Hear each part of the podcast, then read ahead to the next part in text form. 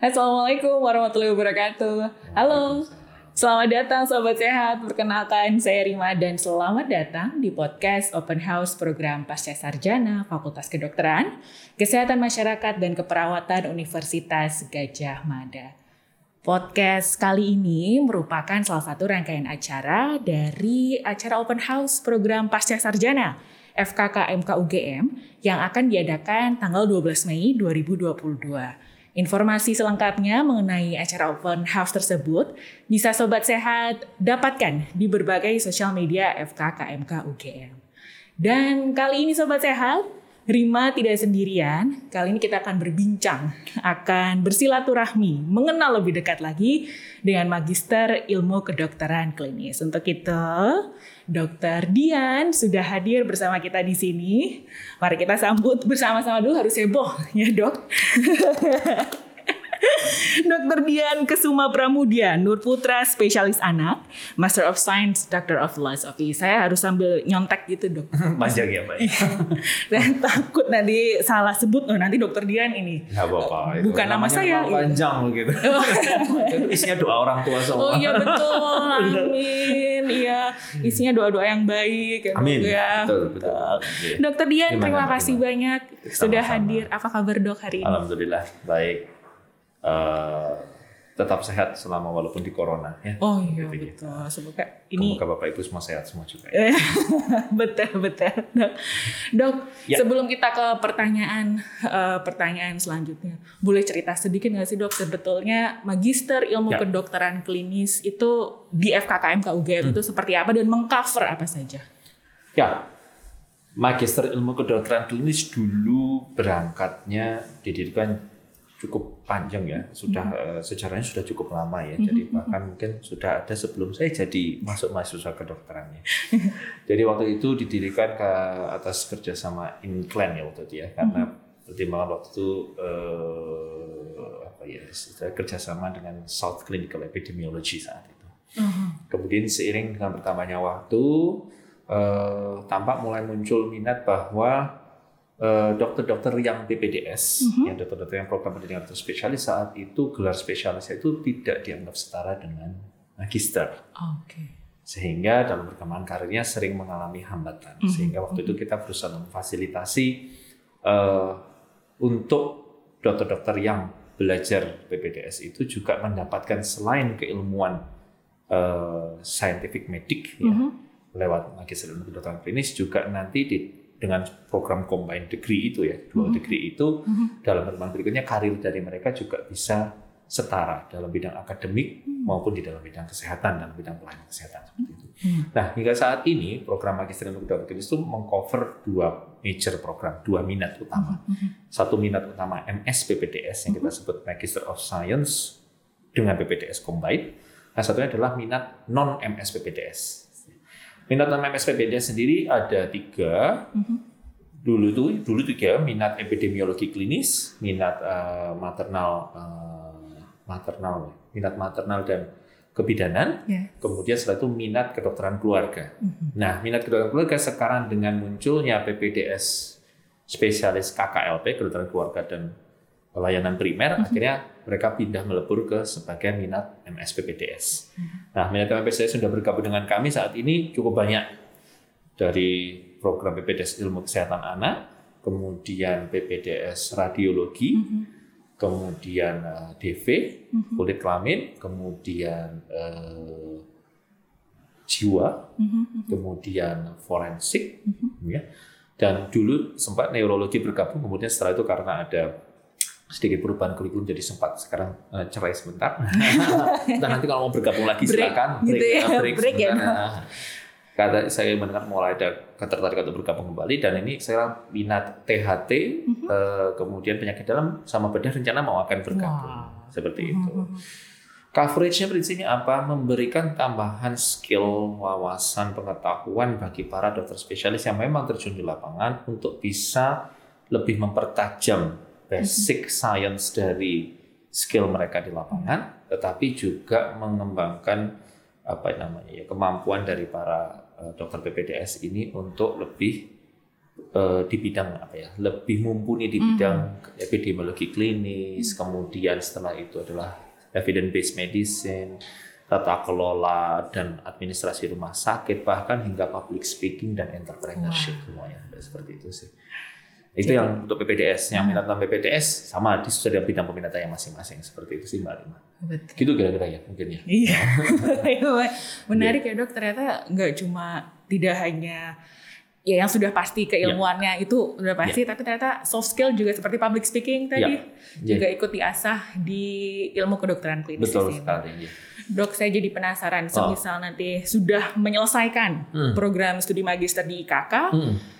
Untuk yang spesialis kan punya gelarnya masing-masing ya dok. Betul. SP bukan surat peringatan tapi ya. SP SP belakangan beda-beda. Ya sesuai. SPN, ya sesuai dengan materi Untuk yang non klinis gimana dok? Gitu. Ya, Hmm. kalau di teman-teman yang non klinis, MSPP, eh, yang non MSPPDS itu kelebihan yang kita yang didapatkan teman-teman yang di Magister Ilmu Kedokteran Klinis FKKMK UGM itu adalah mereka akan lebih banyak mendapatkan keilmuan ya dari para pakar yang memang sudah terjun langsung di lapangannya. Jadi dosen-dosen kita di epidemiologi klinis mungkin Mbak Rima tahu Dr. Jaril atau dari Prof. Laksono Betul. itu adalah bukan dosen yang hanya bisa bicara teori tetapi memang sehari-harinya mereka mempraktekkan apa yang didapat.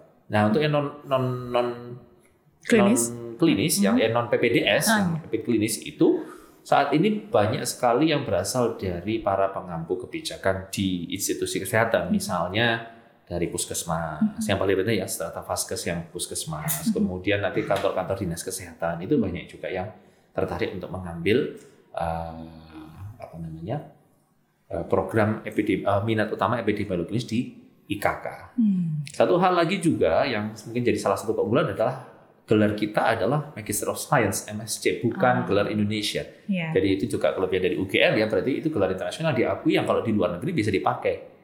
Artinya kalau kita menggunakan katakanlah MSc kalau misalnya dokter ya berarti Mhm. MD MSc Betul. PhD itu boleh dipakai bukan MD M yang lain-lain yang Iya. gelar Indonesia kan belum tentu bisa dipergunakan di luar negeri. betul. Nah seperti itu itu salah satu kelebihan yang lain yang kadangkala itu mungkin hal sepele dan bukan sesuatu yang paling penting Mhm. tetapi menaikkan nilai tawar dari wisuda ah, lulusan yang bersangkutan begitu.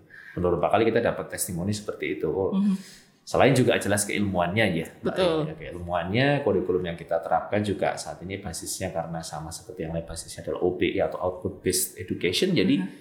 eh, masukan perkembangan alumni yang ada sekarang itu menjadi dasar perubahan struktur kurikulum yang lebih dinamis untuk rekan-rekan mahasiswa yang baru. Begitu. Jadi tahun tahun akan selalu update terus itu. Iya. Mungkin kurikulum yang tahun ini dengan 3-4 tahun yang lalu sudah berbeda. Seperti itu. Update mengikuti Update perkembangan mengikuti ilmu. perkembangan ilmu. Betul, Iya betul. ya. seperti itu. Iya. Pak. Dokter Dian, boleh Hmm. kasih bocoran nggak sih Ya. kira-kira di IKK ini untuk grant atau fund, fund untuk penelitian Hmm. Hmm. segala macamnya ada nggak dok? Cukup besar ya, Wah, banyak, itu cukup dia. banyak. gitu ya, Itu dia. Tapi ya, yang Mbak Rima maksud adalah grant atau beasiswa. Nah, Iya.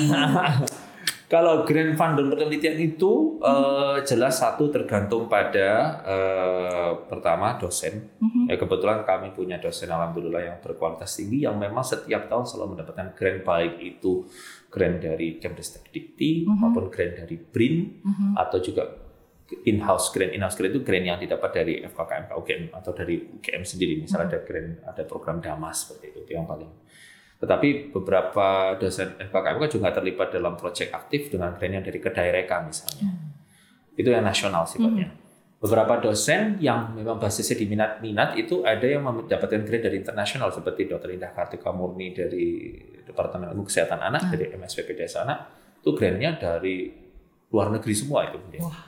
Jadi kalau ada yang ingin melakukan penelitian di bawah beliau, eh, apa namanya, grantnya cukup besar. Kemudian ada juga eh, grant penelitian malaria Mhm. yang eh, itu juga kebetulan karena saya dokter anak jadi paling lebih banyak tahu grant-grant yang yang dari Iya, MSPD untuk anak, ya. Iya betul. walaupun saya juga tahu beberapa grant yang lain eh, tetapi untuk yang sifatnya extraordinary seperti yang grant penelitian malaria itu dapat dari Australia juga bersama Dr. Jandrini Pospo Oh, beliau iya. itu yang di Papua begitu itu adalah yang ek- grant-grant ekstra tapi secara rutin setiap tahun selalu akan ada grant-grant yang berasal dari Kemdistek Dikti. Biasanya lewat program yang disebut Simditapmas itu. Kemudian Simditapmas sis- sistem, Sistem, iya. Sim, ah, apa saya lupa. sim kalau depannya sim tuh terus ingetnya simpanan. Oh, iya. sistem informasi manajemen apa tuh pokoknya untuk dosen-dosen yang sudah memiliki NIDN dan NIDK itu bisa mendaftar di sana dan lebih leluasa untuk mendapatkan grant dari Kemristek Dikti. Ya. Kemristek bukan salah saya, Kemristek dan kebudayaan. Oh, ya, udah ganti nama Dikti dan kebudayaan nah, masih ganti nama terus. Betul, kemudian betul. juga grant dari BRIN kebetulan kemarin juga beberapa sudah mendapatkan juga tapi BRIN yang baru ini Iya, juga masih dalam betul. proses peralihan sehingga entahlah pada dapat apa enggak dapat. Nah, begitu. bisa aja. Cukup banyak. dia. Tapi sekali lagi memang tergantung pada uh, masing-masing dosennya. Dan Hmm. saya kira teman-teman mahasiswa yang mau bergabung masuk di MS PPDS ini, Hmm. saran saya memang kalau memang mau penelitiannya lancar-lancar jaya, mengikutlah sebagai bagian-bagian dari penelitian payung dari Hmm. dosen, sehingga data yang diperoleh dapat lebih cepat, lebih.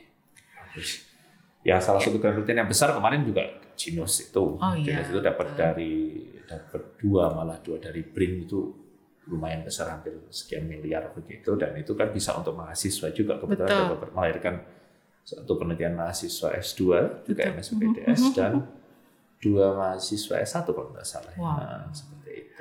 Ini salah satu tips and trick yang besar menurut saya. Dokter Dian terima kasih sudah share. Itu adalah kita harus eh, bisa ikut gabung gitu ya Betul. dok ya.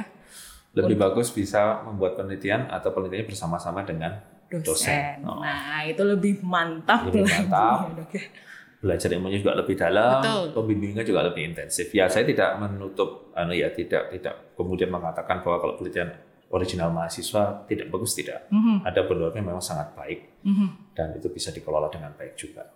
Tapi kadang-kala kan mahasiswa akan terbentur dengan masalah pendanaan, keuangan begitu. Betul, Nah, saya saran saya kalau ingin penelitiannya itu lancar, ya walaupun namanya lancar juga relatif ya, Iya. kadang-kadang juga tersendat-sendat ya. Tetapi kalau yang mau anggarannya bagus atau apa namanya terjamin gitu ya yang ikut dengan penelitian dosennya begitu. Nah, terima kasih Dokter Dian. Selanjutnya lagi adalah kan eh, magister IKK-nya adalah jenjang S2. Mm-mm. Sekarang ini trennya adalah teman-teman fresh graduate itu langsung melanjutkan eh, skop pendidikannya Ya. ke jenjang S2.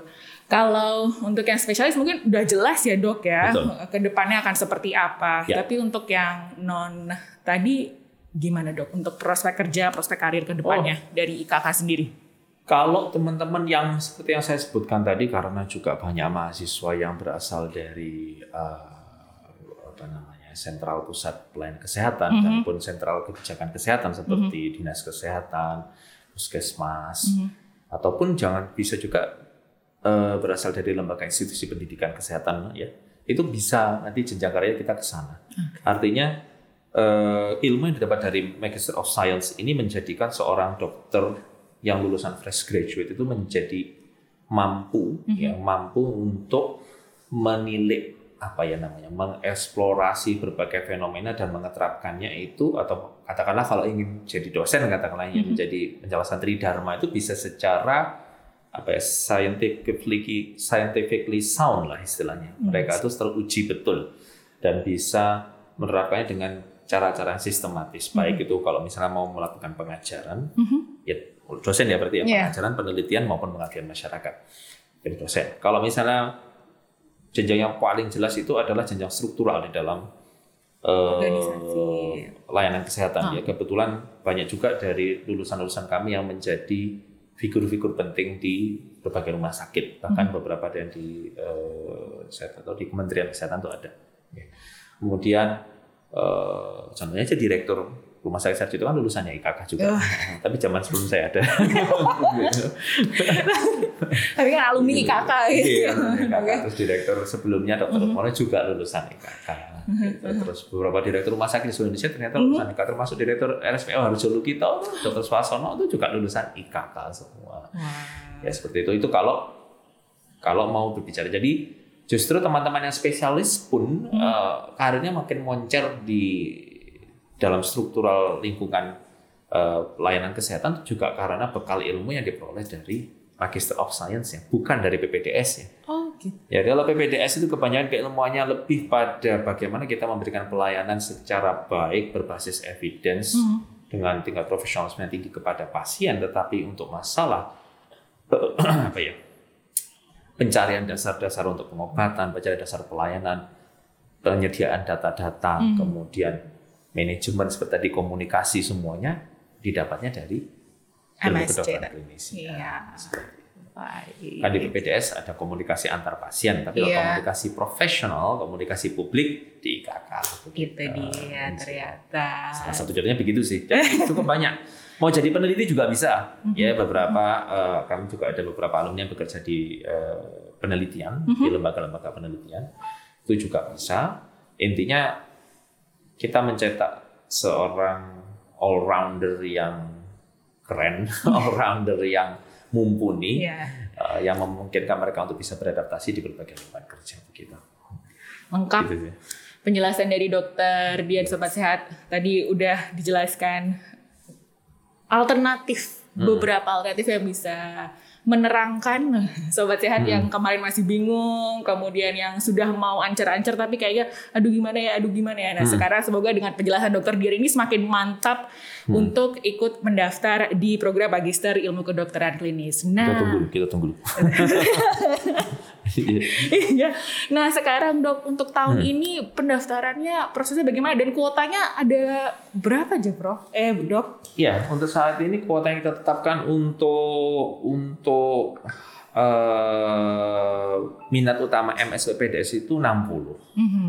60 mahasiswa. Kalau yang minat utama non MSPPDS itu 15 sampai 20. Begitu. Tiap tahun akan berubah Per atau semester. memang? itu per semester itu. Oh per Per semester, oh. baik. Jadi setahun ya 120-an gitu ya. Memang tiap tahun akan sedikit berubah bergantung pada satu eh, di PPDS anunya penerimaannya sejauh mana. Hmm, baik. Terus yang kedua eh, apa namanya positioning dari dosen juga ya, gitu ya, terutama untuk yang minat utama non MS PPDS. begitu. Kalau minat utama MS PPDS biasanya langsung berdasarkan atas pengajuan dari masing-masing PPDS-nya. Jadi pak- anak eh, rekan-rekan sekalian yang tapi sekarang jadi sama rekan-rekan sekalian yang masuk ke PPDS itu eh, beberapa PPDS eh, mempersilahkan untuk memilih apakah PPDS saja atau mau PPDS dengan Magister of Science. Tetapi seperti ilmu kesehatan anak itu sudah jadi satu paket wajib begitu. Wah, Jadi maksudnya biar ilmunya tidak terpotong-potong gitu. ya betul. Saya tidak tahu kalau yang lainnya bagaimana itu kita kembalikan pada koordinator dari masing-masing PPDS. Tapi kalau yang non MS PPDS insya Allah antara 10 sampai 20 begitu per Baik. semesternya. Baik. Banyak ternyata ya dok ya per semester loh ya. Per semester iya. Ya student body kita sekarang aktifnya 300 lebih. 330 apa 300 Wow. Ka- Berarti alumni udah ada berapa dok? Seribuan mungkin ya? Eh, sejak berdiri enggak sekarang sekitar 2.800 3.000 alumni yang ada IKK. Ya, saya waktu diminta jadi sekretaris saya juga bingung, wow banyak sekali ya. Dan ada menyebar. Ya di menyebar kebetulan di mana-mana dan alhamdulillah, eh, alhamdulillah eh, teman-teman yang alumni dari Magister of Science itu selama ini kami mengevaluasi dan mengamati, termasuk yang sangat mumpuni di lingkungan kerjanya dan apa ya boleh dikatakan seperti the guardian of evidence based Asik, iya. Guardian Gitu bukan kan, guardian ngaco of ngaco begitu evidence base-nya tuh sebentar-sebentar itu lulusan IKK enggak ya kalau ada lulusan IKK nanti saya ketok berarti enggak belajar ini Ada stepnya sih. Iya, gitu. Seperti itu. Jadi lebih lebih dalam menerapkan pengobatan mereka lebih berbasis evidence, lebih rasional begitu. Eh, tidak serta tidak mudah sekali terprovokasi oleh berita, oleh hoax, kemudian tidak apa ya, lincah di dalam Iya. percaturan administrasi kesehatan. Kebetulan yang kami lihat seperti itu makanya eh, itu yang juga membuat kami cukup berbesar hati dan terus berjuang mengembangkan IKK. Wah, luar biasa, Dokter Dian. Untuk kalau nggak salah ada sosial media atau website dari IKK, Yes. dok yang bisa di kepo-kepo lagi oleh Yes. sobat sehat. Jadi sobat sehat bisa banget nih untuk mencari atau menggali informasi-informasi lebih lanjut mengenai magister ilmu kedokteran klinis. Nanti bisa uh, di Betul. websitenya. Betul, kami punya ada website, kami ada Facebook, kami Asik. ada Instagram. Betul. Dan Eh, Twitter mau bikin tapi nggak ada yang ngopeni ya. Jadi Jadi untuk website eh, Instagramnya bisa follow at Magister Kedokteran Klinis ya. Lambangnya hijau begitu ya. Eh, Untuk Facebooknya silakan nanti bisa dicek di sebentar. Saya lupa. Jadi Instagramnya jangan lupa di Magister Kedokteran Klinis. Ya, terus ada lambangnya UGM di situ ya. Ya, warna backgroundnya hijau. Hijau. Jangan lupa hijau sama. UGM itu adalah. Magister IKK. Terus kemudian Facebooknya juga Magister Ilmu Kedokteran Klinis ya. Nah, Juga lambangnya lambang UGM hijau begitu ya. langsung ketemu lah ya dok Langsung di ketemu lah. search uh, uh, di Facebook, di Instagram, kemudian Tuh. untuk websitenya Oh, kalau websitenya itu ada di S2, eh, sebentar, saya Mhm, cek lagi S2 IKK. Eh, benar nggak ya? Kalau sekarang sekarang tuh lebih lebih lebih asik untuk melihat di Instagram atau Facebook daripada di website ya. Iya betul betul. Benar nggak? Betul nggak? Betul betul.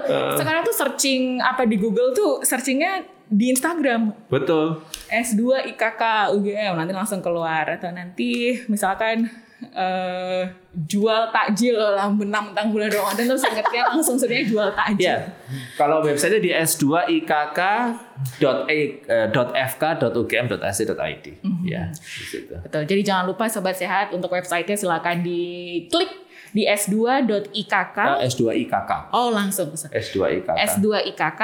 .fk. .ugm.ac.id. Itu dia. Untuk pendaftarannya silakan nanti di situ juga tersedia. Tersedia. Ya dok ya banyak sekali informasi lengkapnya. Nanti juga ada kontak person kalau misalkan mau langsung tanya. Boleh ke- ada juga di website itu di bersama ada nomor kontak person yang bisa dihubungi. Anda scroll sampai bawah atau lebih mudah akses di DM Instagram. Ah itu dia. Ya nanti ketemu dengan Mbak Vivi yang cantik ya di situ ya. Betul. Iya. Atau sobat sehat juga bisa langsung akses website untuk pendaftaran eh, mahasiswa pasca sarjana UGM itu ada di um.ugm.ac.id dan sekali lagi jangan lupa untuk mengikuti open house program pasca sarjana FKKMK UGM karena di sana akan dibahas lebih lanjut lagi Dokter Dian insya Allah hadir di open Ya, house insya Allah 12 di Open. House hadir. Wah seru banget Iya. nanti bisa langsung uh, interaksi dengan dokter Iya. Dian ya di sana. Iya. Silakan juga nanti informasi selengkapnya juga ada di sosial media FK UGM. Atas nama panitia yang bertugas, saya Rima pamit undur diri. Dokter Dian, sekali lagi terima kasih banyak Sama-sama, sudah hadir. kasih. Kita ketemu Iya. lagi. Kalau misalnya satu Mbak Rima, Ke-? Kalau buat teman-teman sekalian, Anda mau tahu, kalau misalnya saya tahu, Ginos itu apa? Nah, Ginos itu penelitian yang lahirnya dari dosen-dosen yang ada di IKK. Itu dia ya. kuncinya di kan Itu salah satunya ya, salah satunya. Di itu yang lain yang hebat-hebat juga banyak. save the best for the last tadi kalau pengen tahu lebih lanjut lagi ya dok ya. Ya. Berarti ditunggu, Ditunggu di open house. Eh, program. sarjana. Yes, betul. Terima kasih sekali lagi untuk Sobat Sehat juga terima kasih banyak dan podcast kali ini bisa Sobat Sehat saksikan di YouTube-nya FKKMK UGM, bisa juga didengarkan di Spotify, di Raisa Radio Indonesia Sehat dan juga di aplikasi streaming Radio Indonesia Sehat. Sekali lagi saya Rima pamit undur diri. Wassalamualaikum warahmatullahi wabarakatuh dan. Waalaikumsalam. Terima kasih. Sama-sama. Dokter. Sukses ya. Amin. Pripun, Dok?